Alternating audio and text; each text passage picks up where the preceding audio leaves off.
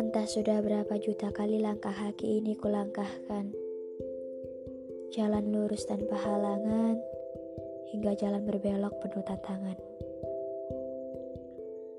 Entah sudah berapa juta kali caci maki ini kuterima. Dari cacian yang hanya menggertakkan telinga, hingga cacian yang menyesakkan dada.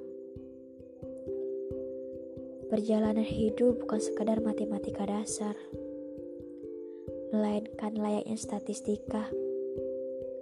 Berharap dari peluang yang ada. Meski terkadang hipotesis yang kita harapkan belum tentu sesuai dengan kenyataan. Rumit itu memang, namun ini realita. Karena hidup bukan hanya mampu menjalani takdir yang sudah ada. Tuhan sudah memberi jalan untuk semua insan. Namun kau bukan pembuat jalan berwarna akan membuatnya semakin indah. Kadang aku bingung harus terluka atau bahagia atas semua kejadian yang pernah ada. Kadang, kalau boleh jujur, hati ini terasa sesak dan kepala ini seolah mau pecah. Kadang aku bersyukur pada Tuhan namun kadang aku merasa tak pantas untuk mereka. Andai semua orang ingin berada di posisiku, pasti ia akan mengerti mengapa tulisan ini ditulis di separuh malam. Mengapa tulisan ini tak pernah berhenti berkata-kata. Dan mengapa saja ini tak pernah habis bercerita. Aku paling sering merasakan pahit daripada manis. Namun jika kalian mendengar ini, aku suka akan pahit. Pahit, namun menjadi pengobat luka. Malam ini awan meneteskan air matanya lagi. Bersama tiupan angin, kenangan itu pun muncul. Kadang aku ingin seperti orang di luar sana. Tertawa lepas, tanpa adanya kebohongan. Namun entahlah, aku tidak bisa mengondisikan suasana hatiku saat ini.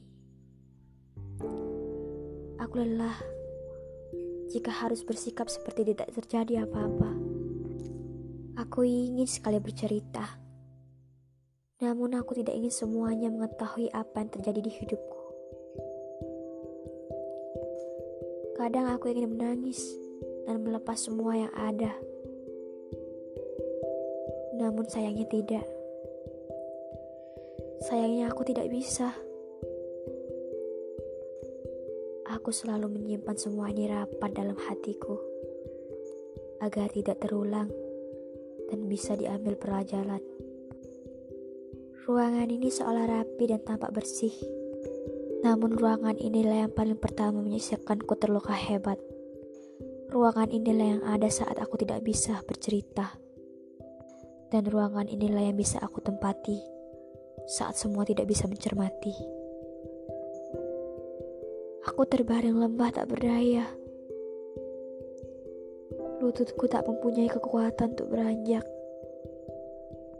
Aku tahu apa yang terjadi.